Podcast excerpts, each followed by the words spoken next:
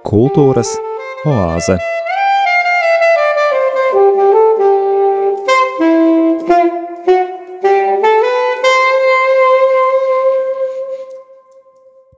Esiet sveicināti, cienījamie radio Marija Latvija klausītāji! Ēterā raidījums Kultūras oāze un ar jums sasveicinos es, raidījuma veidotājs un vadītājs Normons Zariņš.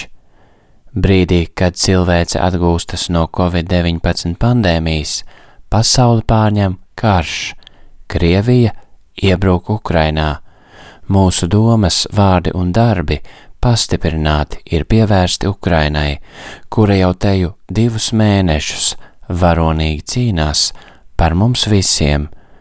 Arī mana jau iepriekš iecerētā šīs dienas saruna ar rakstnieci, žurnālisti un Latvijas Tautas frontes sirdsapziņas balsi Marīnu Kosteņecku iegūst citādu saturu, nozīmību un jēgu. Tomēr iecerētais sarunas temats paliek nemainīgs - tauta laiku mainībā. Sarunu papildina raidījuma viešņai svarīgi muzikālie akcenti.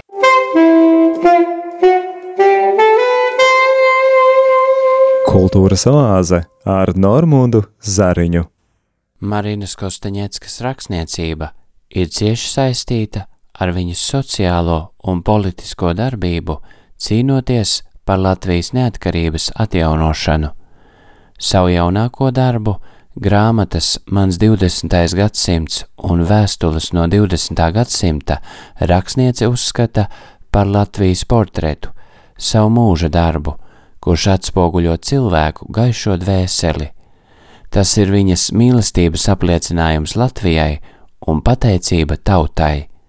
Sarunas iesākumā Kostaņeckas kundzes redzējums par rakstniecību agrāk un tagad. Zināt, toreiz, ja, ja runājam par padomju laikiem, ja, skatoties, kā mēs vadāmies, ja, ja runājam par padomju laikiem, nu tad, protams, cenzūra bija, ja, nu bija cenzūra un nekas cits nebija, ka tikai cenzūra, ja. Šobrīd, tad, tad brīvi izteikties nevarēja, un, un, un vajadzēja ļoti rēķināties tā kā runāt ar, ar puķiem, ja, nu, Protams, ar puķiem mācīja runāt gan prozaiķi, gan dzēnieki, sevišķi dzēnieki, ja? bet, bet e, nebija, nebija brīvības tādas, kā mēs varam izteikt savas domas. Šobrīd var izteikties jebkurš, ja? un nevien rakstnieks, bet arī jebkurš bloģeris, un, un katrs savas domas var izlikt internetā, ja pasauli ir globalizējusies, un vairs, godīgi sakot, tāda rakstniecība kā nu, rakstnieks, tā profesija vairs nav tik elitāra, viņa nav vairs tik e, nu, izcila. Ja? Viņa ir, nu, starp visi tagad runā, visi ir rakstnieki. Vai viņi ir rakstītāji vai rakstnieki, tā ir cita lieta. Ja? Bet, bet vairs nav jāieliek nekādu tur dziļu domu pārāk, ja nu var tāpatās kaut ko runāt, un es gribu, lai man tur liek likšķis, lai man liek tos laikus, ja? un es izsaku savas domas. Un piedodiet, katram rakstītājam, nevienam rakstniekam, ir savs lasītājs. Ne tikai rakstniekam, ja? tāpat kā katram rakstniekam padomju laikā bija savs lasītājs. Viens lasīja man ziedoni, otrs lasīja tur Grigoli. Ja? Nu, kurš, kurš ko uzturēja par svarīgāku sev lasīt un, un kurš no kā barojās. Ja? Tagad arī, ja? jo cilvēks negrib tā dziļāk domāt, viņš, protams, nelasīs nu, 20. gadsimta ja tur klasisko literatūru, viņš nelasīs varbūt Zentas Maurijas grāmatas, ja, bet viņš nu, lasīs blogus, kas šobrīd ir aktuāli un kas šodien ir moderni, un, un, un vispār, ko es šodien ēdu un kur es rīt iešu, ja. Tad, tad rakstniecība nivelējās. No vienas puses ir brīvība pienākusi, ka var rakstīt visu, ko grib, no otras puses tas rakstniecības vērtība strauji kritās. Marinas Kostaņeckas dzīve un darbi tiešā veidā ir ietekmējuši arī manu valstiskuma un pilsonisko apziņu. Sarunas turpinājumā velkam paralēles ar Latvijas trešās atmodas laika notikumiem un to, kā dzīvojam šodien, pandēmijas un kara apstākļos. Viennozīmīgi vienu tikai var pateikt, ja? ka nenožēloju nevienu sekundi, nevienu brīdi no tā, ko darīja atmodas laikā. Jo, lai cik grūti šobrīd mums neiet, ja? nekad jau pasaulē neiet labi. Nekad viss attīstītākā, viss ekonomiski nodrošinātākā valstī, ieskaitot to pašu Zviedriju, ja, kur ir paraugs mums, Eiropiešiem, ja, kāda tur ir stabilitāte, un viņi iztiek bez NATO, un viņi uh, ekonomiski plaukst, ja, un viņi netērē varbūt tā, tik liels līdzekļus kara budžetām, ja, kā citas valstis. Vienalga būs vienmēr kādi neapmierināti, kuri teiks, ka slikti tas, slikti šitais, ja, Un es zinu, ka nu, kaut vai Zviedrijā arī par to pandēmiju bija dažādi viedokļi. Vieni sacīja, ka nav nekāds ierobežojums jāliek, otrs sacīja, ka vajag ierobežojums. Beig, beigās tomēr nožēloja, ka ierobežojumi nebija kaut kāda ielikt.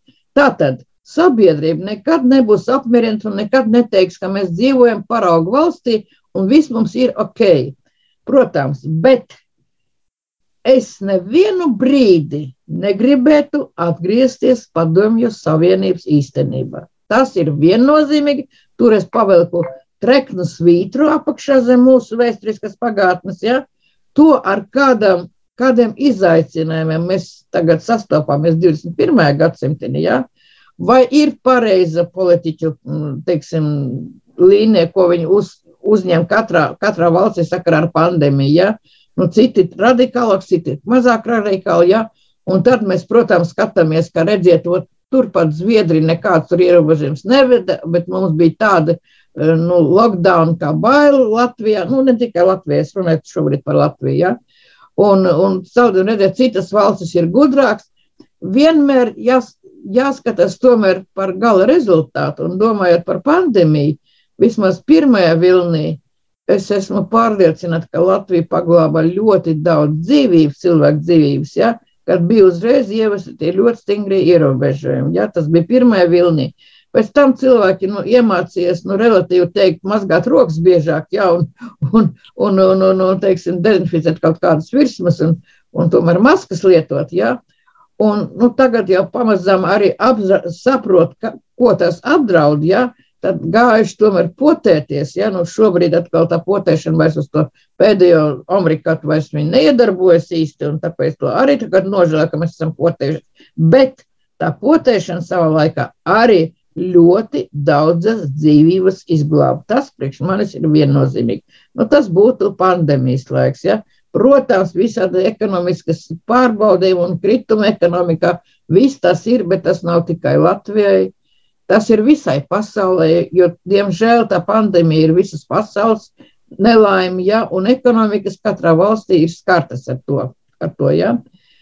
Kas attiecas uz karu, te es esmu daudz, daudz bažīgāk, jo tas karš nenotiek Ukrainā. Tas karš notiek sen jau pasaulē. Lai mēs oficiāli šo karu vēl nesaucām par trešo pasaules karu, manā uzturē tas ir trešais pasaules karš, sāk, kara sākums, jo es ļoti labi zinu Puķina plānus. Ja? Viņš pats tos neslēp nemaz, ne jau tāpēc, ka kaut kāds Amerikas izlūks dienas man to pienes uz paplātīts gatavu, jā, lai es tikai izlasu un lai man kantēnas acis paliek. Bet es tiešām zinu Puķina plānus, ka viņš netaisas apstāties uz Ukrainu, un ja Ukrainu viņam izdotos, nu, tiešām uzvarēt un, un panākt to, ka Ukraina būs okupēta un praktiski nonāks tā kā uh, Puķina pāraudzībā, ja kā viņam tur būs marionešu valdība ielikt tāda, kāda viņam vajadzīga, viņš neapstāsies. Un viņš tālāk ies nevien uz Moldavu, kas tur ir blakus, ja, viņš ies arī uz NATO valstīm. Un tas NATO valstis ir Baltijas valstis, jo viņa šizofreniskā galvā, kurš cilvēks tiešām ir jucis prātā ir doma, ka viņš ieies vēsturē ar to, ka viņš atjaunos PSRS tajās um, robežās, kādas PSRS pastāvēja. Tad viņš atgriezīs visas republikas, kuras ir atguvušas neatkarību, nu, tajā Krievijas federācijā. Nezinu, varbūt mazāk viņš interesēs par Vidusāzijas republikām, jo tur ļoti daudz jādotē ekonomiski, lai tas Vidusāzijas republikas būtu Um, Puķina prorektorātam, bet kas attiecas uz Baltijas valstīm, Es zinu, ka tas ir nākamais solis, kas viņam ir plānā, ja, iekarot. Tāpēc es šobrīd nolieku zemi galvu Ukrāņu priekšā, kuri aizsarga ne tikai savu dzimteni. Es abrīnoju viņu varonību, visu bērnu, vi, sieviešu, vīriešu varonību. Ja? Viņi aizstāv mūs visus. Mums tas ir jāapzinās, mums to ir jāsaprot. Nu, pirmkārt, Eiropa, otrkārt, visa pasaule. Jo tajā brīdī, kad Puķins jau draud ar kodolieročiem pasaulē, nu, tad pasaulē visai gals. Vienalga, vai tu esi Amerikā, vai tu esi e, Austrālijā, vai tu esi kaut vai Antarktīdā. Ja?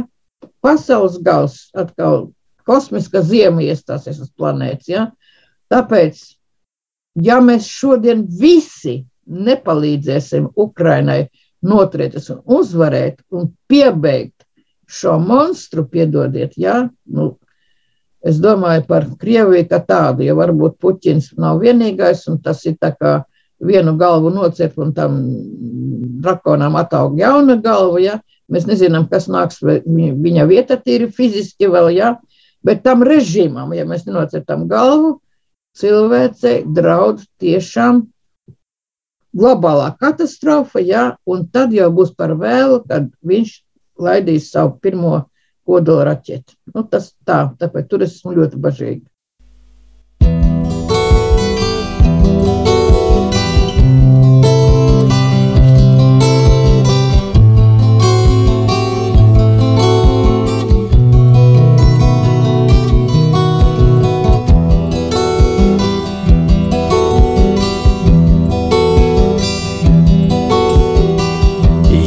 Смысл этой жизни вижу в том,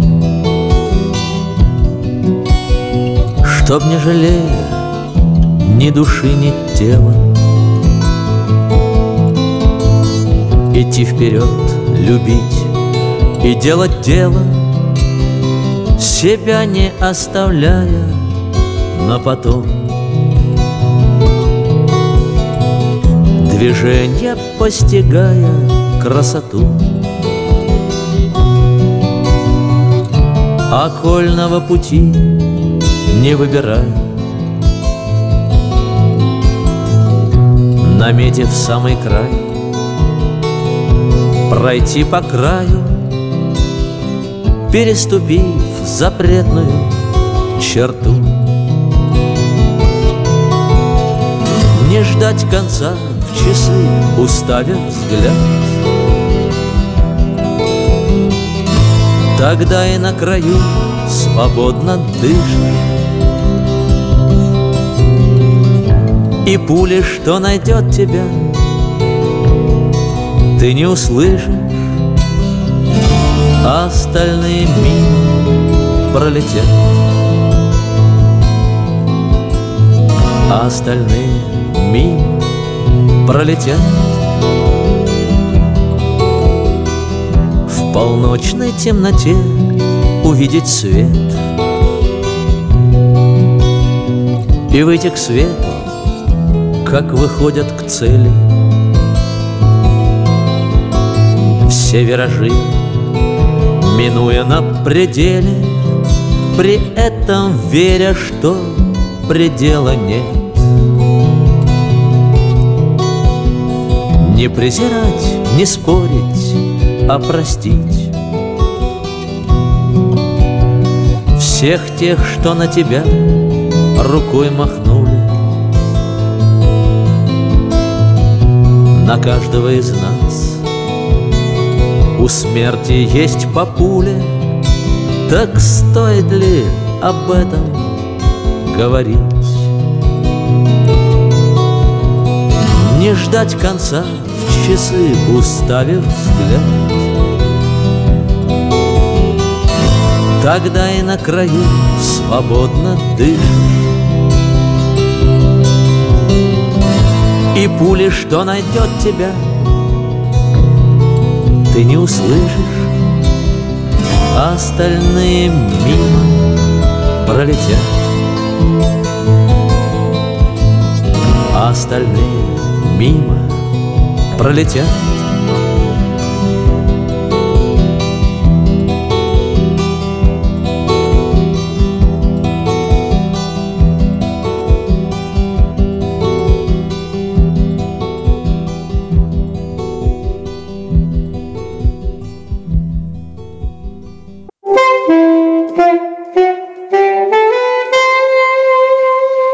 Ēterā kultūras oāze.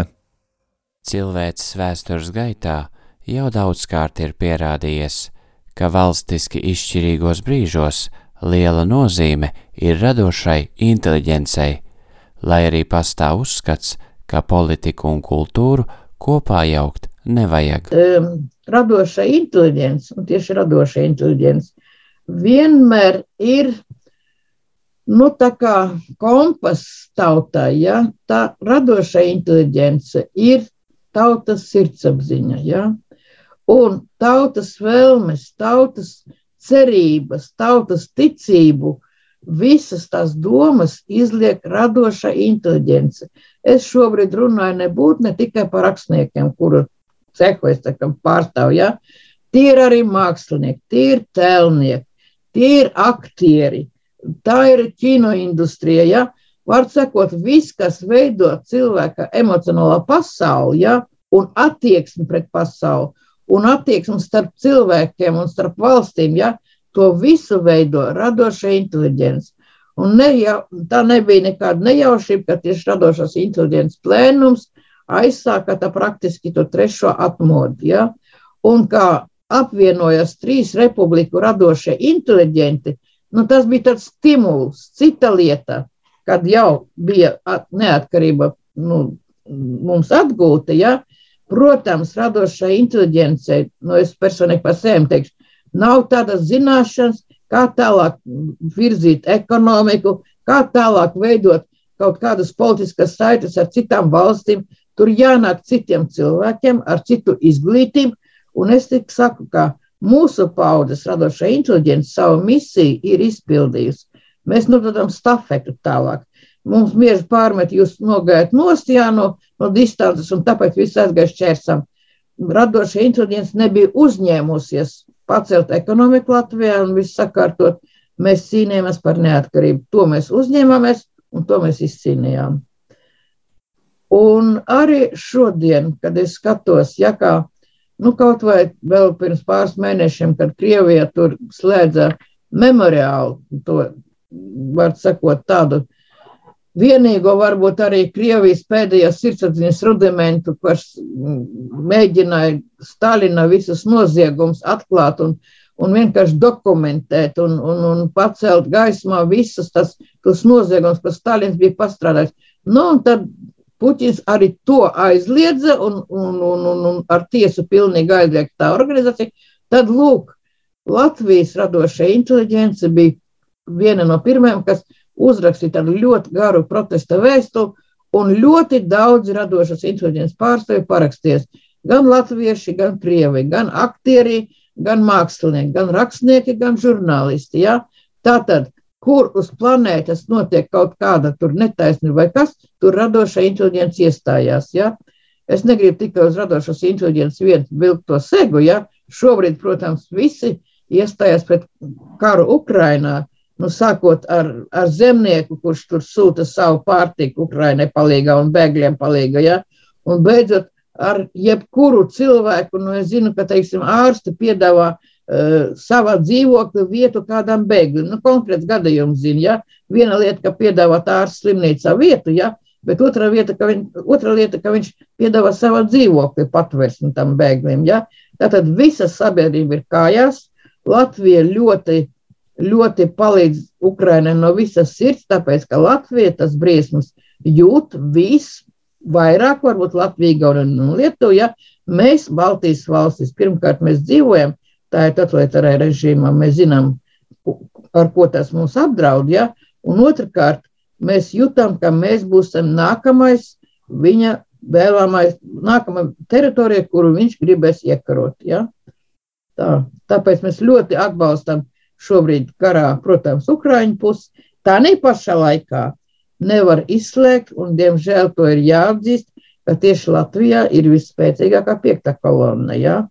Jo tas, kas ir izgāzies, teiksim, Ukrainā, jo Puķins cerēja, ka tur ar sāls mājas viņu sagaidīs Ukraiņu Krievi, ja? nu, tur arī bija kaut kāda rīvēšanās starp tā nacionāli radikāli noskaņotiem Ukraiņiem un Krievu tautības cilvēkiem. bija rīvēšanas, ja? rīvēšana ir arī Latvijas ar latviešiem un krieviem, ja? bet viena lieta tāda rīvēšana, otra lieta, ja ir piekta kolona spēcīgi izveidot. Un lūk, Puķinam tur ziņoja, ka Ukraina ir piekta kolona ļoti spēcīga, tad, kad viņš ieies tur kaut kur Mariupola vai, vai Harkava, tad tur nāks ar, ar uh, salsmaizi viņam pretim un ar puķiem, nekā nebija. Ukraiņu pilsētas, kur 90% iedzīvotāji ir krievalodīgie, turās pretīm nebūt ne ar mazāku spāru kā Ukraiņi, ja, jo pret to agresiju nevēlas viņu redzēt. Nezinu, vai tik vienota būtu Latvijas sabiedrība. Es runāju par visu Latvijas sabiedrību, ja, jo mums te ir gan nepilsoņi, gan pilsoņi tādi, kuri varbūt ir sliktāki nekā nepilsoņi, ja nu visādi mums te ir cilvēki, ja. Var sakot, es, man ir lielas bažas par to piekto kolonu, kuru, diemžēl, Latvijā Puķins mācīja atstāt ar visiem tiem mm, bijušiem kara, tur, kara visiem ģenerāliem un maršaliem, un kas tik tur mums nebija tajā armijā, padomju armijā, tie visi te pensionēti, tie visi te ir iedzīvojušies labi, ja, un viņu bērni un mazbērni domā tāpat, kā, nu, kā viņu senči. Diemžēl tā ir realitāte, ar kuru arī jārēķinās. Jā. Latvijas jaunāko laiku vēsturē šāds spilgts piemērs ir eksprezidente Vaira Vīķa Freiberga, arī pašreizējais Ukrainas prezidents Volodimirs Zelenskis. Es jums pilnīgi piekrītu, un tas vairs nav nekāds feiks, kā Amerikā saka, ja šodien būtu vēlēšanas, un Zelenskis tur Zelenskis pretendētu uz, uz prezidenta amatu, viņš vinnētu. Ja? Jo Zelenska, kuru sauca par klaunu, par komiķi, par kaut kādu lētu aktierieti, ja? Neviens negaidīja, ka viņam būs tāds mugurkauls. Puķis bija pārliecināts, ka Zelenskis pirmā dienā aizmuks, ja? kā paliks armija bez nu, virspavēlnieka. Ja? Un to, kādu mugurkaulu parādīja Zelenskis, un tieši tas, ka viņš ir radošas inteliģents pārstāvis, ļauj viņam runāt bez papīrīša, ja, skaidri, izlikt savas domas, emocijas, visas sejas vaipsti, kad viņš uzstājās jebkurā pasaules parlamentā, un tagad viņš visās pasaules lielākais parlamentos ir jau uzstājies, ja, nu, kaut vai uh, caur video saiti, bet ir uzstājies. Visur viņš atstāv vispozitīvāko iespaidu. Varbūt cits politiķis, kurš zina pareizi, ka tur uz šaha dēļa virzītos mm, tas figūrīns, ja, viņš nespēja tā pārliecināt pasauli par savu taisnību. Jūs pilnīgi taisnība, un tas ir ļoti labs novērojums. Tiešām radošie cilvēki spēj ļoti kritiskā situācijā iznest, izvest to kuģi pareizos ūdeņos. Sibīrijas tango, knuts skujnieks, dominora. Pār jumtiem saule lec, spīnāmi brīvi, un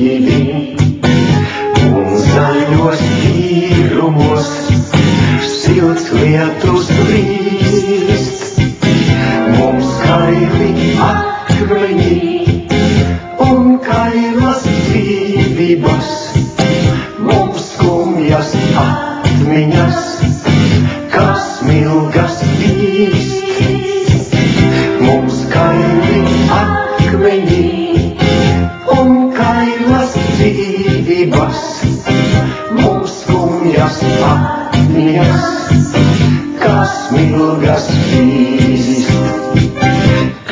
Atkal gauž malā, ievu ziedus nas, tad tikai sapņos mums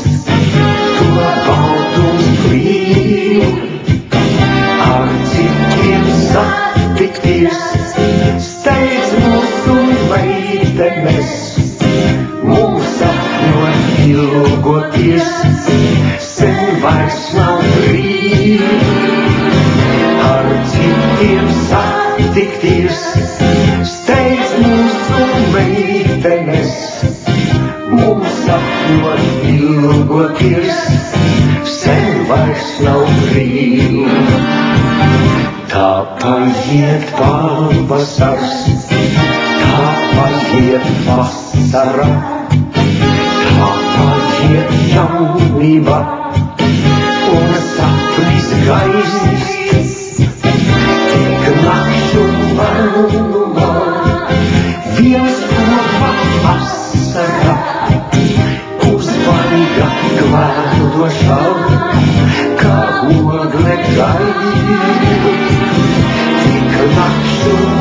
Manumā, viens kopā asara, uzvaiga glādošā, kā ogle gaiss.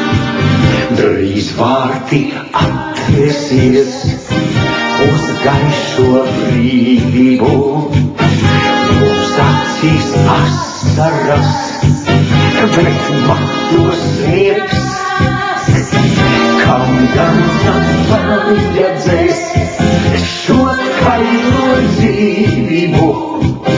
Tu būsi izstumtais, tu būsi vieks. Kam gan tam vajadzēs šo kailo dzīvību? Tu būsi izstumtais,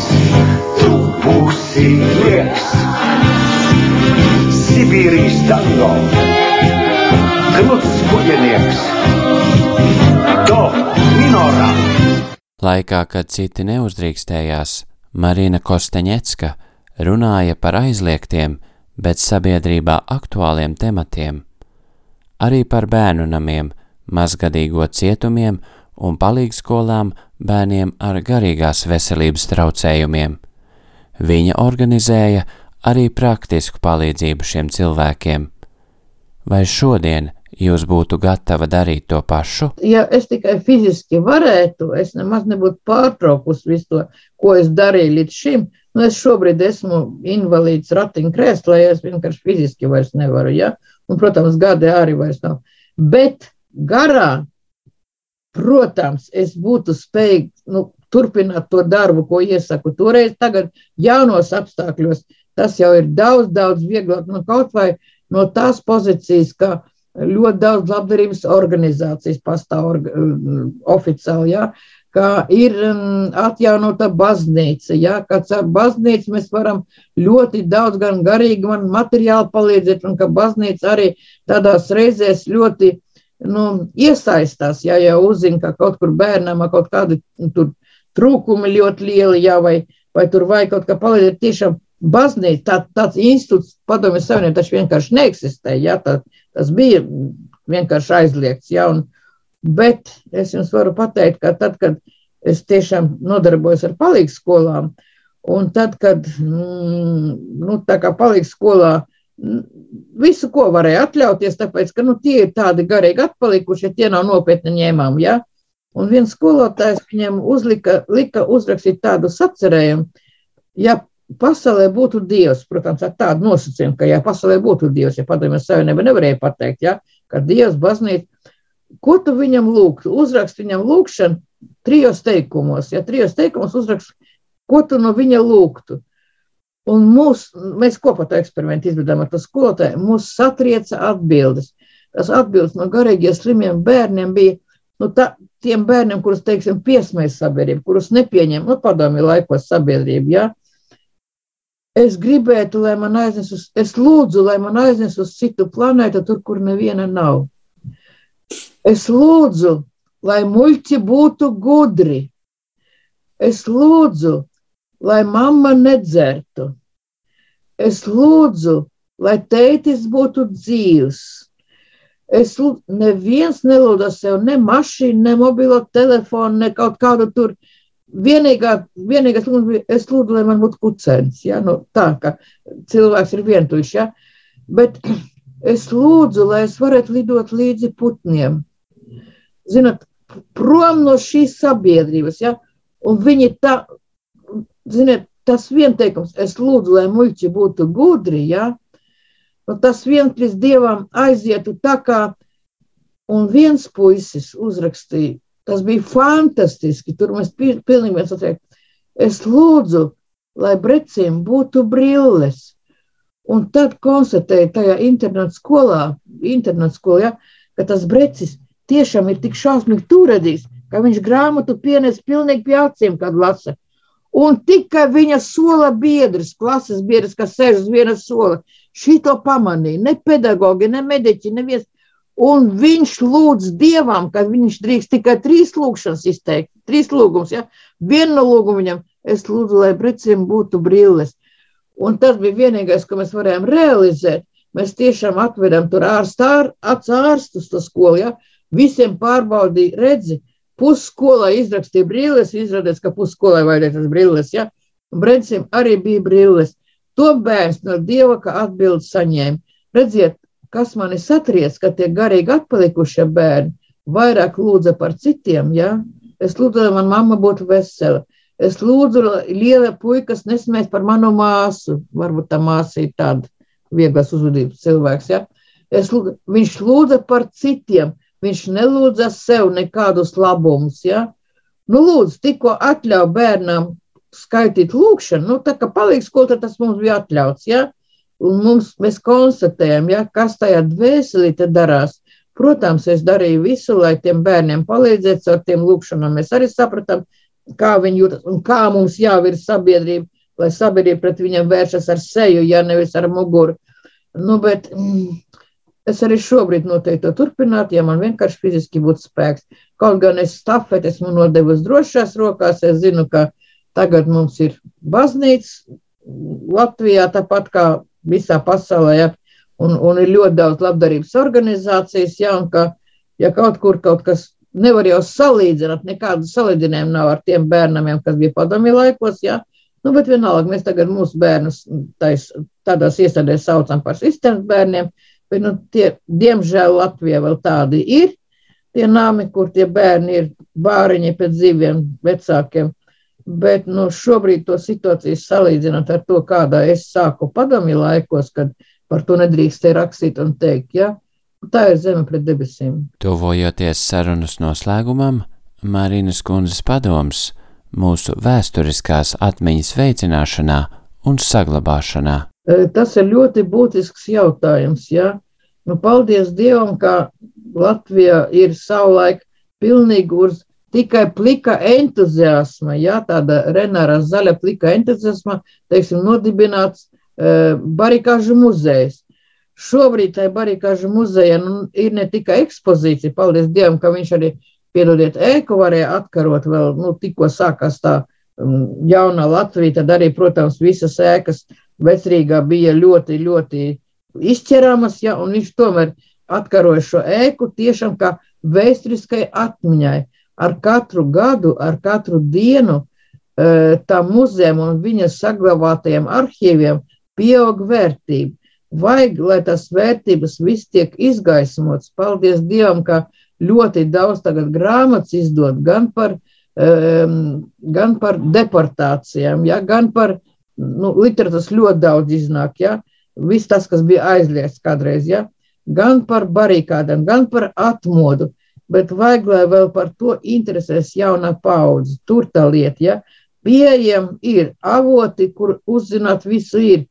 Nu, manuprāt, trūks mazliet interesi, kamēr mēs dzīvojam ļoti labu cepuru kuldām, ja, un sēžam caurām dienām vai no telefona, vai no tur pie datora ekrāna un, un, un spēlējam spēlīts un, un, un dzeram Coca-Cola un, un ēdam čipsus, ja, mēs neaizdomājamies, kāda cena ir samaksāt par to, lai tu to pepsikolu varētu vienkārši veikalā nopirkt, kuru padomi laikos bija aizliegt dzēriens. Ja? Nu, es vienkārši, visvienkāršākā piemēra pievedu, ja?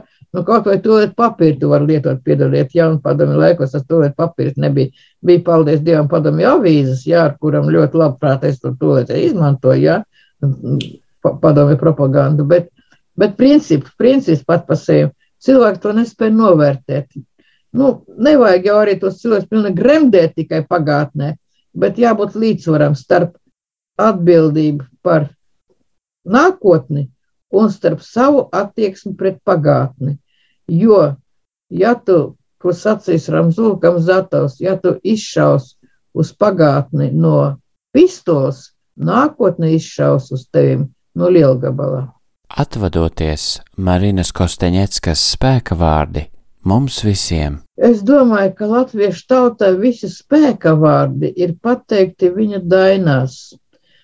Jūs zināt, tā ir tautas lūkšana, un es jums pateikšu, ka padomju laikos, tad, kad notika tomēr tie paši dziesmu svētki, nu, nevienmēr es tiku uz tiem dziesmu svētkiem klāt, ja, nu, biļetes nevarēja arī padomju laikos nopirkt, ja, bet mājās, ja es kaut ko redzēju televīzē, es cēlos pie ekrāna, ekrāna priekšā, jo tas man bija dievkalpojums. Dziesmu svētkiem man bija dievkalpojums, tautas garīga lūkšana, ja, Un es domāju, ka nu, tādus spēka vārdus, kādus paši latvieši zina savās dziesmās, tautas dziesmās, jā, es no malas pat nespētu pateikt, jo latvieši ir ļoti stipra tauta, ļoti stipra tauta. Un es ticu, ka viņi pārvarēs visas grūtības. Paldies Dievam, ka nu, Latvija tomēr no, nomainās tie prezidenti. Cits mums vairāk patīk, cits mazāk patīk. Bet mums nenotiek tā, ka 20 gadus viens prezidents sēž ja, tronī. Mums nenotiek tā, kā pilnīgi jau prāti izkukojuši politiķi sēž. Tomēr mums viss notiek, mājas notiek, tauta ir gudra, tauta pati redz, kur viņa apdedzinājās, un tauta tālāk iet jauno ceļu. Un man negribās būt tādam mentoram, kas man norāda, ka es tagad būšu tā gudrā, kur jums pamācīs, kā jādzīvo. Ja? Es zinu, ka es pati mācījos no latviešu tautas un pati ņēmu tos spēkus no latviešiem. Ja? Nu, kad es arī cietu kā represētā meita, tēvs man bija represēts, ja? Un es biju tajā pusē, kur bija visi latvieši, kuriem katrā ģimene bija kāds izsūtīts vai kāds nogalināts, ja? kura ļoti cieta no, no padomju režīma. Es biju viņa pusē, un viņi man arī stiprināja. Nāk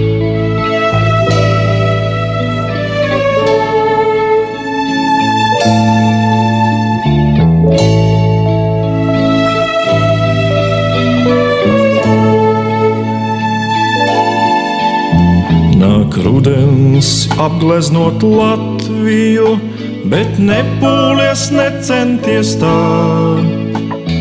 Man viņa ir viskaistākā, tik un tā.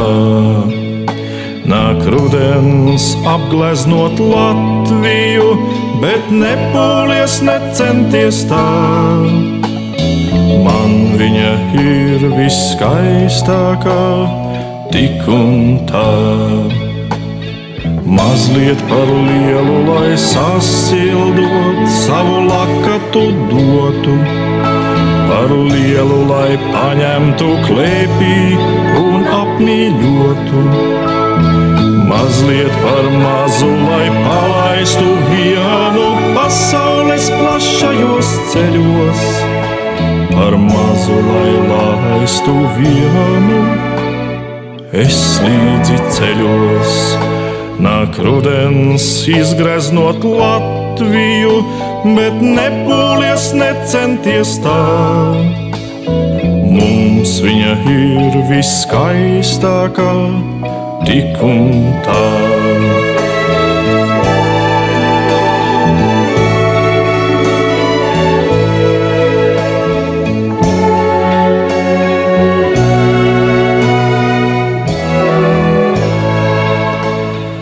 Mazliet par lielu, lai sasildu, savu lakatu dotu. Par lielu, lai paņemtu klēpī un apmīļotu.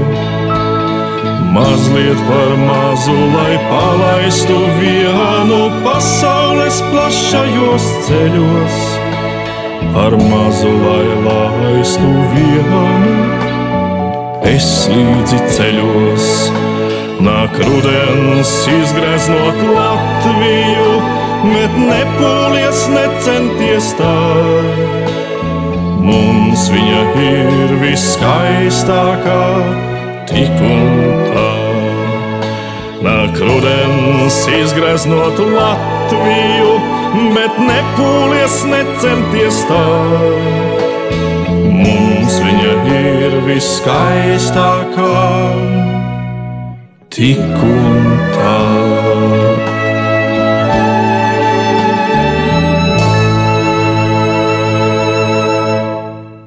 Dārgais Radio Marija Latvija klausītāji, šīs dienas raidījuma laiks ir aizritējis. Paldies par kopā būšanu! Uz sadzirdēšanos atkal 17. maijā, pulkstens 17. kad tiksimies ar rakstnieci un dramaturģi Ingu Ābeli. Sarunas tēma - cilvēks, baznīca un valsts.